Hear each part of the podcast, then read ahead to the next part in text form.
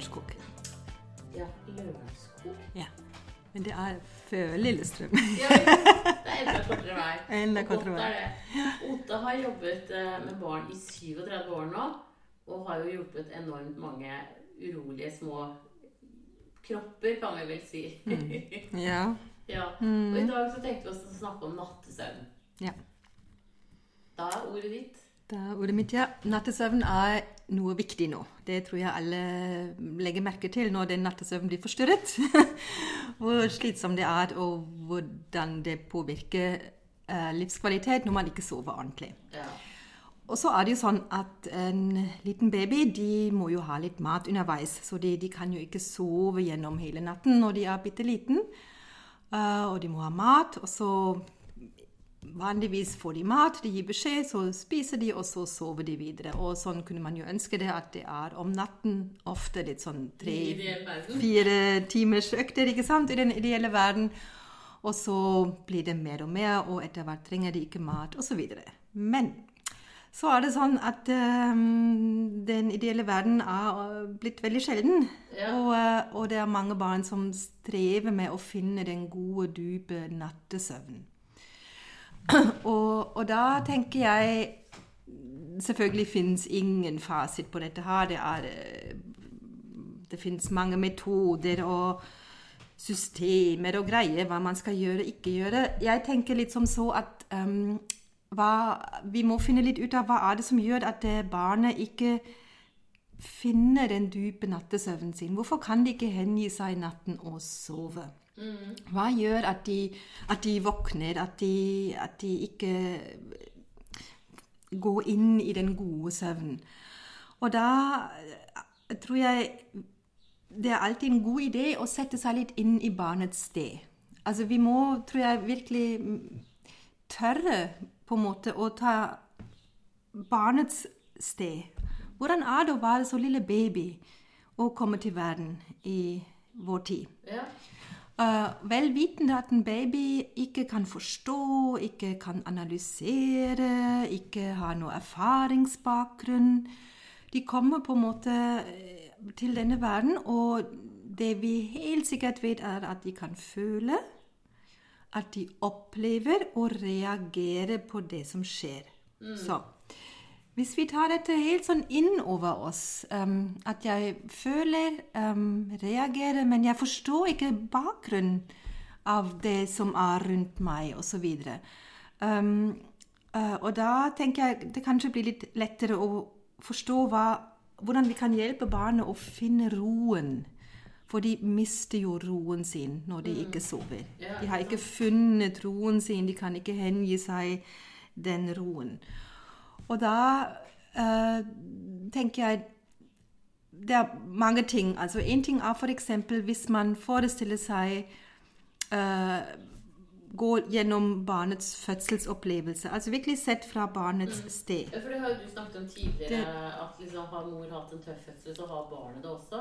Og det er jo ikke noe vi tenker så mye på, Nei. egentlig. Ikke sant? Man, man er på en måte klar for at det har gått bra. Og det, ja, det har jo gått fint. Men jeg, er ikke så sikker på hvis barnet kunne snakke, hva de egentlig hadde fortalt. Nei. Hva hadde de egentlig fortalt? Hvordan kjennes det å bli tatt med vakuum? Hvordan kjennes det å stange i en time med pressrie? Hvordan kjennes det å bli tatt med keisersnitt? Eh, Hva vet jeg? Men jeg, jeg tror man må forestille seg litt hvordan kjennes det? Ja. Hvordan er dette her? Og, og når man Jeg har jobbet i 20 år på en bacheloravdeling på en um, nyfødt intensivavdeling. Altså du kan på en måte se litt på de babyene som har hatt en tøff fødsel, altså fra barnets perspektiv. Ja. De er ofte mye mer skvetten enn en baby som har kommet stille og ro Eller på en vanlig måte ut Ja, av mamma, kost og fått den ro og den nærheten av mammaen med en gang, istedenfor dette forvirrende for mange barn. Ja, for, for de mister jo den nærheten når de kommer på prematur. ikke sant? Da blir det alarmluder, alarmlyder, ja. Alle som har vært på nyfødt intensivavdeling, altså det er alarmlyder i alle frekvenser.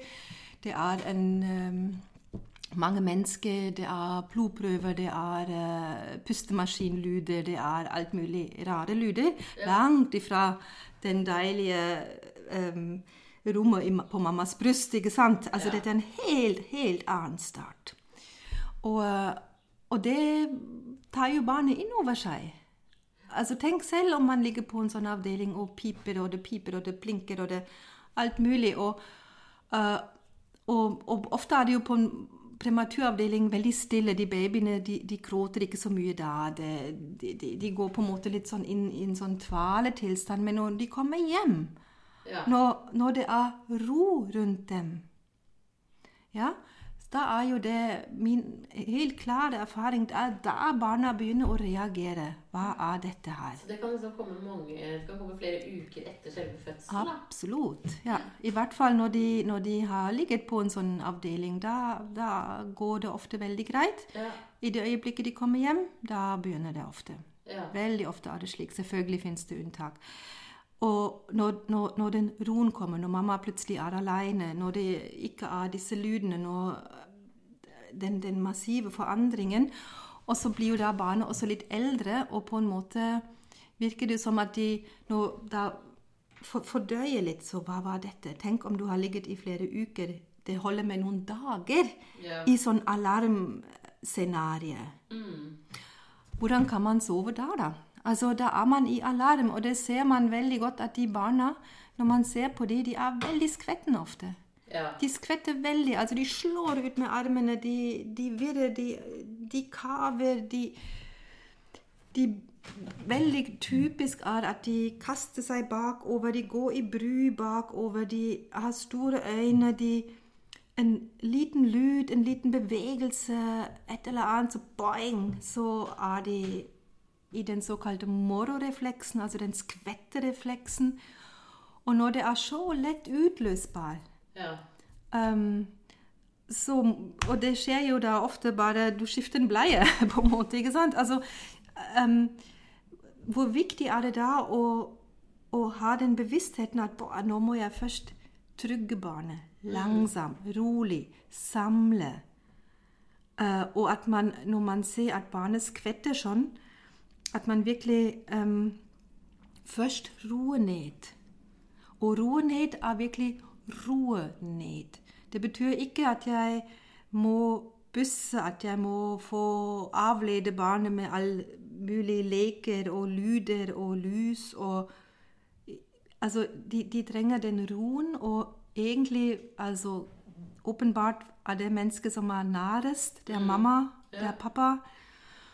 Altså et menneske, ikke en ding, ikke Ja. en greie. Og et menneske som kan forstå «Boah, Ja, jeg vet du, du, er, du er fortsatt i den alarmmodusen. Ja, og du er jo litt opptatt da av at, eh, at man skal ikke liksom lete etter seg feil hos seg selv som foreldre. Men man skal liksom bare på en måte lese barnets signaler om at noen, jeg har opplevd noe som var litt voldsomt for meg. Ja. Og jeg trenger liksom støtte og ro, da. Nemlig. Eh, men det har ikke egentlig med foreldrene å gjøre. Så selv om barna skjærer grimaser og sånn, så er ikke det fordi de ikke liker foreldrene sine. Nei, nei, nei. nei, nei. Ikke sant? nei ikke sant. For det er jo lett å tro når liksom alt bare skjærer seg, og ungen skriker, og du ikke Ja. vet hva du skal gjøre i det hele tatt. Ikke sant. Ja. Det er jo det. At man, at man plutselig tviler litt sånn på seg selv. Å, herregud, jeg, hva er dette? Og jeg tror, hva er dette? Jeg tenker det er barnet som ikke forstår verden, og som trenger hjelp å forstå verden, og det skjer gjennom den andre. For barnet selv har jo ingen sjanse å gjøre seg noen tanker om det som har skjedd. Altså at um, ut, ut fra barnets perspektiv, nemlig helt basics, altså. Helt basics. De er ikke så innviklet i sine reaksjoner. De er rett frem. Ja. De har opplevd panikk, de har opplevd alarm, de har opplevd uh, å bli tatt blodprøve av og alt mulig greier, uten at de forsto bakgrunnen for det. Og så Selvfølgelig, de, de er litt sånn kanskje litt i forkant, og de skvetter, og de, og de trenger en massiv bekreftelse. Hei, det er over nå. Det er over nå. Jeg passer på deg nå.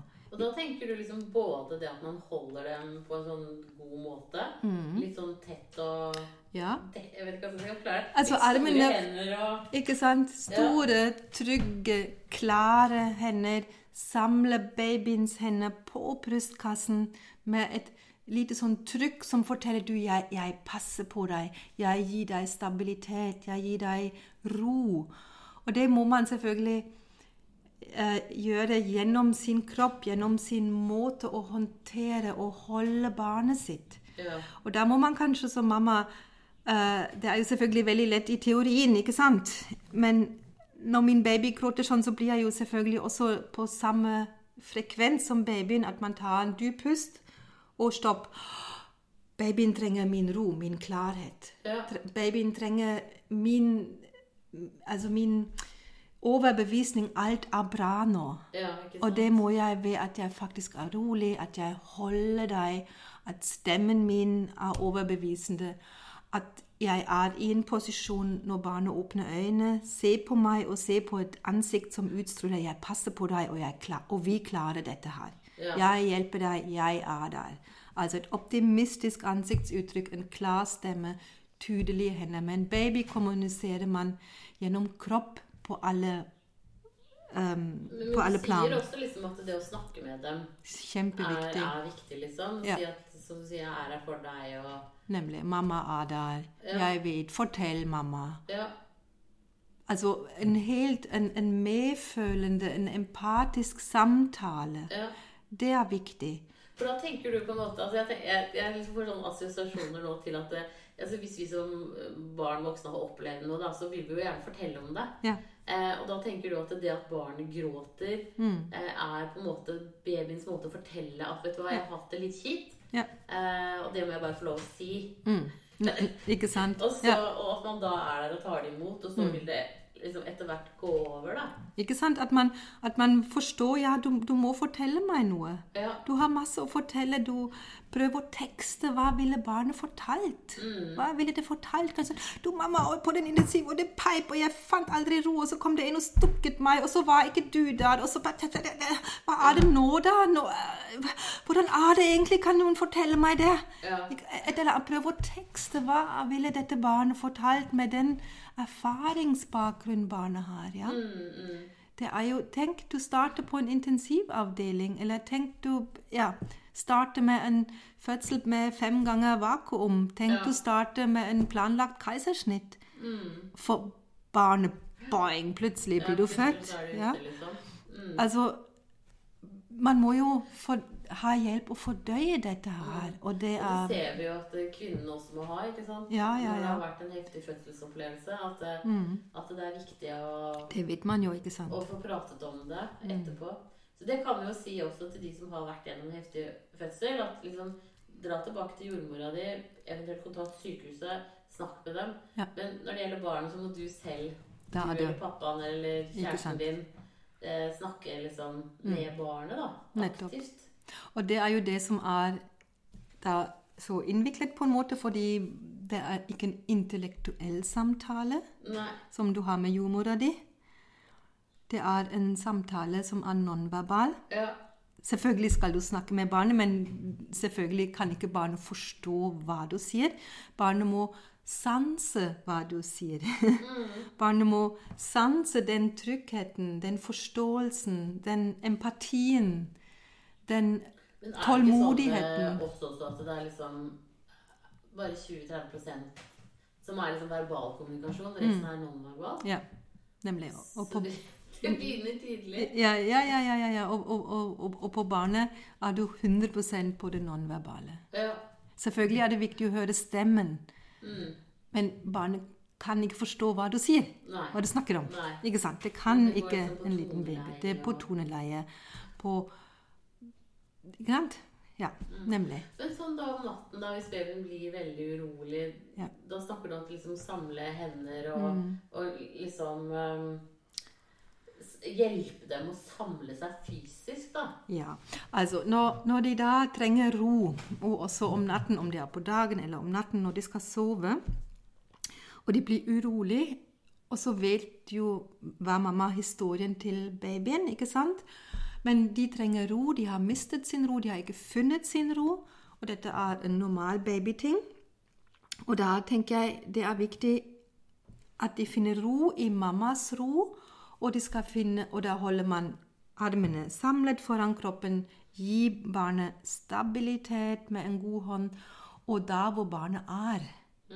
Og selvfølgelig har man sjekket ut at eh, de ikke er sultne, at de ikke plutselig har bæsjet og trenger en plass osv. Ja. Men hvis alle disse tingene er i boks, kan du si, eh, så, så trenger de ofte egentlig nærhet og ro, og bli holdt, og bli lyttet til, og så da, og ikke og gjerne da hvor, de, hvor man ønsker at barnet skal sove. altså at man Klassisk er jo da tar man barnet opp, og så går man rundt og busser i alle varianter. og så er det plutselig litt stille, du legger barnet ned. Etter to minutter vosj, er de fra null til 100 full gang igjen. Ja. Og sånn går nettene, ikke sant. Og, um, eller, altså her tenker jeg um, at man forstår de trenger hjelp å finne ro, og ro kan du bare finne i ro. De trenger ikke mer bevegelighet, de, eh, mer, mer bevegelse, de trenger ikke mer stimuli. De trenger en som holder meg Ja. og formidler ro.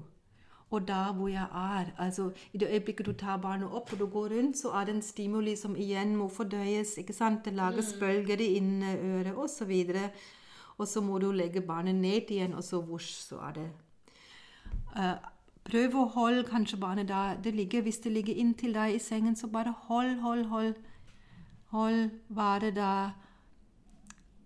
Tålmodig, tekster, svarer. Altså en, en, kanskje et eller annet at man har sånn, nesten sånn mantra. 'Jeg er der. Er? Mamma er der. Det går fint.' Et eller annet. En enkel setning. At man ikke Ja. Man virkelig også selv kommer inn i, i den roen man ønsker å formidle. Um, hvis man føler dette holder man ikke ut, og man må bevege seg, så hold barnet i ammeposisjon. Altså horisontal, ikke vertikal. Det er noe stor forskjell. Ja? Okay. For det er en, altså en biomekanisk mye enklere å bli holdt horisontalt i Ja. ammeposisjon. Og om så er det at barnet åpner øynene, er det den perfekt å se mammaen sin. Hvis du holder barnet vertikal, er det vanskelig. Ja. Og man kommuniserer selvfølgelig mye med blikket. Og Ja. da det, må det være så lettvint som mulig. Barnet åpner øynene, boing, se mamma ja. i riktig avstand. Og mamma er sikkerhet. Mamma er referanseramme. Mamma er den beskyttelse. ja? Selv om det kanskje ikke føles sånn når barnet åpner øynene og bare skriker enda mer, men så er man allikevel altså Som mamma er du den store beskytter. Ja. Eller som pappa, eller Mm, ja, ikke sant? For nå er jo fedrene mye mer med også, så jeg tenker at det er jo bare genialt. At de holder barnet i ammestilling, at barnet kan lett At man kan lett få blikkontakt. Ja. Superviktig i den nonverbale Ja. eh, kommunikasjonen. Å holde rolig, bevege seg sånn som man har gjort dagen før man fødte. I dette langsomme, vaggende, ikke sant? Og ikke Og virkelig rolig og bli Og så feide man det ut og blir langsommere og langsommere.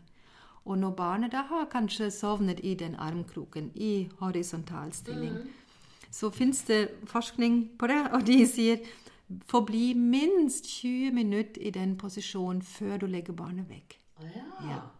Ja, for det er så, man er jo så lettet når et barn kan Ikke sant? Endelig. endelig. Så, så liksom, min liksom sånn gut feeling er å legge det fra seg, så ikke jeg skal forstyrre. da. Ja, ja, ja, ikke sant? Men da sier du altså at liksom hold fortsett i 20 minutter? Genau. Hold i 20 minutter, og, eller i 25 Ja, ja, Altså, men sånn, hold, hold, hold, hold. Og det som nemlig skjer da, er jo det at når den roen har senket seg, så er det av og til, og det merker du når du holder barnet der etter, av og til kommer, plusser det opp litt. Ja. Og det merker du på en måte. Plutselig blir det en spenningen i barn. Og da er du der og holder, og hei, jeg er der fortsatt. Rolig. Ja, så fanger du opp dette her med en gang Ja. når du er så nær. Og da fader det ut. Ja, ikke sant? Ja? Og, og, og, og så merker man når du har det barnet i den armen, at plutselig blir de så tung som Ja, ja, det er liksom tungere og helt tyngre. Helt slappfisk. Og det, når den har kommet, og den har vart litt, etter 100 hengivenhet, Ja, så kan man legge okay, for da har de liksom gått ordentlig ned Da har de ordentlig gått ned. Ja. Og det merker du bare når du er nær, Ja, og når du virkelig har den kontakten. da er det jo kjempevanskelig å vekke. Når de liksom er helt Ikke sant? Og da kan jo skje hva som helst. Men hjelpe barnet inn i det, i sammen med din kropp, med din pust, med din lukt, med din stemme, med din omfavnelse, og med det ønsket om at boy, hos meg er det trygg, lille mann. Ja. Ja. Og, og da at man virkelig beholder den roen og forstår hva barnet egentlig trenger. At de ikke sovner under utmattelsen at du har gått en time og i dype knebøy, eller du har kjørt bil i mange kilometer, eller Ja, you name it. eh, Ja. Satt på støvsuger og vifter og eh, whatever. Det fins jo i dag et hav av ting som avleder. Ja, Og det er avledninger, men det har jo ingenting med den trøsten Nei, det løser liksom ikke noen problemer Det løser ingen problem. Ja, du, barnet trenger trøst, trenger den vissheten alt er bra der jeg er, og jeg blir passet på, og jeg blir forstått. Ja, ikke sant? Og tenk litt over avledning eller trøst. Mm. Ja? Altså, i nøden kan man avlede, men det, på sikt er trøst det som knytter sammen, det som forbinder. Hvis den som kan trøste meg, kan jeg knytte meg til. Mm. Den, den tilknytningsbåndet, det blir enormt Ja. når man virkelig trøster. Mm. Og, Og tenk fremtiden barna har et eller annet kjipt, hvor de skal til mamma og pappaen sin. De skal ikke være alene på rommet sitt og Nei. finne ut av det og avlede seg med et eller annet. De skal gå og hente trøst, ta imot trøst, få trøst, bli trøstet. Hvor kult er det? Ja. Det er kjempebra. Men det, nå blir jeg sånn der, veldig praktisk anlagt Ja. her, ja. Eh, For jeg tenker sånn derre Ja, så hvor, hvor lenge etter en litt slitsom fødsel for babyen Og her er det helt sikkert individuelle forskjeller og sånn.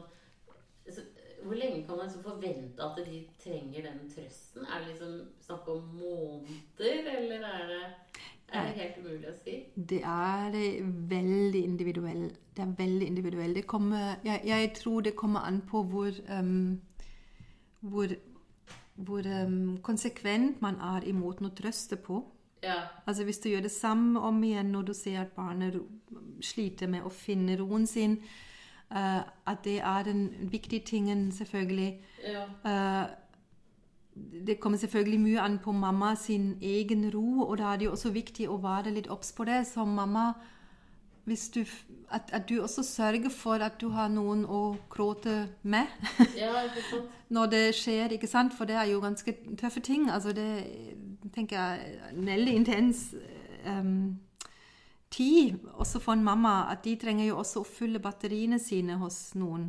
Hos en pappa, hos kjæresten sin, hos en venninne, hva vet jeg. Altså hvor, hvor bra er man selv å stå i dette her? At det betyr noe. Um, vi er ikke så veldig godt trente til det, til å stå i vonde følelser. mm. Det er jo ikke noe samfunnet vårt er så veldig opptatt av. Nei, ikke sant? Ja. Og det å kjenne litt på det, at man kanskje også trenger en skulder og en armkrok å Ja, i, ja. og bli holdt opp til man er ferdig grått. Ja, at man, at man får lov å gråte ferdig. og ikke bli Kom, nå går vi til ta ta en konjakk, ha sjokolade da, da, da, da, da, da. Ja. Men kom og gråt til du er ferdig grått, og jeg er der og hører på til det er bra. Og så kan vi fordøye dette, bearbeide dette her, og få den gode følelsen på at det er over nå, ja. Åh. ja, ikke sant. Og um, ja, hvor lang Altså, ikke sant? altså jeg tenker ofte også den barseltiden er kanskje også noe man må være litt sånn i bakhodet. Det er jo de første seks ukene cirka, hvor det er jo den tiden hvor man knytter seg sammen, hvor man fordøyer det som har skjedd. Det er jo livets største happening. ja. Ja, ikke sant? Um, det må man være klar over at man da uh, i hvert fall er obs på at man planlegger dis- den barseltiden at det er ro og fred og tid for å gråte, tid for å bli holdt, tid for å ah, Ja. nyte, forelske seg osv. Og så må man jo se barnets behov, da. Hva, det, det er veldig, veldig forskjellig. For sånn sett så har jo den koronatiden vi har vært inne i, Mm. vært positiv da, i forhold til at man liksom får ikke truffet så mange og, og sånn. De, noen rapporter fra barsel sier jo at, eh, Ja. at eh, ammingen blir mye bedre etablert Mm. fordi at man ikke får så mye besøk. Ikke sant? Ikke så mye avledning. Det er ikke så mye avledning på mor. Mm. så det er jo veldig positivt. Kanskje man skal passe på det litt de første ukene når man er hjemme. At det, Ja. ja, de, de to første ukene man, hvor man er bare tre, da, eller Ja. også andre søsken, men Mm. at man da liksom ordentlig kommer nedpå at det er en god investering for resten av livet. Og at man må gjøre det man må komme ned på, fordi man må fordøye livets største hendelse. Ja, ikke sant? Og det er to som må gjøre det, eller tre eller fire. Ja, Så, og, og at det tar tid. ja, Det tar tid. ja, og det tar krefter, og man må lade sine batterier. Og man er selv den som skal lade den andres batterier. Altså at man har litt høyde for, um, for dette her, og kjenner litt etter hva man også har behov for. At besøket kanskje tar med mat istedenfor at man må ha maten klar. eh, Og så videre. altså at man kjenner litt selv så hva, hva, hva, hva lader, hva nærer. Sånn at Ja. For jeg tenkte Det må jo være en fantastisk sånn der eh, ting å ha med videre i livet. da. Mm. At du faktisk for deg selv også blir klar over hva er det som lader og nærer deg. Mm. Og så hva kan du gi videre til barnet ditt. Ikke sant. Eh, og at man som familie da på en måte har en sånn basis eh, som er liksom stødig og, Mm. Ja. god. Ikke sant. Og se dine behov, Ja. og ikke avlede deg. ja. Men se hva trenger du. Så Ja. Konklusjonen er litt sånn da at det er liksom Ja, man må stå i det. Mm. Eh, det er ikke farlig. Nei. Verken for mor, far eller barn. Det kan være litt slitsomt. Det er det helt sikkert. Men jeg tror man kommer nærmere hverandre. Ja. Eh, Man får en enorm belønning når man virkelig klarer å trøste. Og den belønningen når ungen sover i armen trygt og godt, og det blir bedre og bedre og bedre, og virkelig kjenner på at man er den tilknytningspersonen. Man utstråler den kilden for beskyttelse og sikkerhet. Det er en helt enorm lykke, tenker jeg. ja? Faktisk. Men det koster litt. Ja, det koster litt. Og eh, mm, Men barna er jo på en måte våre investeringer. Eh, de er jo på en måte Det er en fantastisk opplevelse. Ikke sant? Eh, og så tenker jeg litt sånn at det rundt det med fødsel behøver ikke ha vært en traumatisk fødsel Nei, nei, nei. heller. Men at eh, for barnet så kan det ha vært en litt slitsom fødsel. Ja. Eh, så, så, så hvis man har barn som er veldig sånn urolige etter fødselen, Mm. da er det greit å, å bruke litt god tid på å roe dem ned. Gjennom Og ro. trøste dem. Mm, nemlig. Trøst. Trøst, hva er trøst for noe? Ikke sant? En veldig fin ting også det er jo å svøpe nyfødt baby. Ja, Ja, for da er den overgangen mellom den gode, trange, gode magen Ja. til den store, vide, åpne verden blir litt mindre. Jeg har veldig sans for å svøpe armene foran kroppen. ja. Um, selvfølgelig må man jo også sjekke så hvilke fysiske spor har den fødselen satt. Ja, Ja. Jeg tenker da på kan barnet rigge seg til den sengen, den armkroken, den kroppen. Ja, for, for Med- med nakken osv. liksom nakken og hodet ditt for å vise at eh, en stiv nakke Ja. er vanskelig å slappe av med. Veldig vanskelig å slappe av med. Det kan skje når det blir sånne voldsomme krefter som setter sving, sånn som man har under en fødsel. Ja, Og det må man tenke på. Det kan bli en kinke i den lille kroppen. ikke sant? Og da er det forhåpentligvis noe et eller annet fagperson som kan se det. Og hvis man føler at det er slik som mamma, og ikke blir møtt blant fagfolk, så uh, det fins fagfolk som har greie på dette her. Ja. Og det er en velsignelse å få en fri nakke. Ja, Det kjenner jo alle som har hatt kink i livet. nemlig. Da, Altså Og kink kan jo også gi litt kolikk og maveproblemer og sånn. Så det er Absolutt. jo Ja. Så trinn én er jo å gå til en, en fysioterapeut som har greie på barn, eller en osteopat. Altså Det må jo være en en manuell terapeut. Disse her som har greie på barn. Nemlig. Som har greie på det Um, her. Og det Ja, fins rundt omkring, selv om det ikke er på hvert gatehjørne. Ja. Så fins det en del av det etter hvert. Det gjør det, Så det ja. er å høre med slekt og venner i nærheten. mm. Eh, og, og hvis det på en måte ikke hjelper 100 så, så er det dette med å gi ro og nærhet Ja, det- Det er uansett. Ja. Altså, jeg tror alle barn trenger etter en fødsel ro og nærhet og trøst. Det eller mindre. Det ligger tror jeg, litt i sakens natur. Det er kanskje derfor de første ukene er så rotete. Ja, ja, ja. Man vet ja. aldri helt hvor barnet blir. Ikke sant? Det tar sin tid videre, men trøst og nærhet er tror jeg, et, et grunnbehov ja, Ja. for alle mann. Ja, da, da tror jeg jeg slutter der, og så sier jeg tusen takk til deg, Ottin Hoff. Bare hyggelig. Eh, du finnes på Lørenskog og i Oslo Anna Kirstad. Ja. Stemmer. Men hvis dere vil lese mer om kvinneklubben og, og barnefysioterapi og sånn, så kan dere gå inn på barnasfysioterapeut.no. Stemmer. Ja, Tusen hjertelig takk. bare hyggelig. Da håper jeg det hjalp litt. ja. vi satser på det.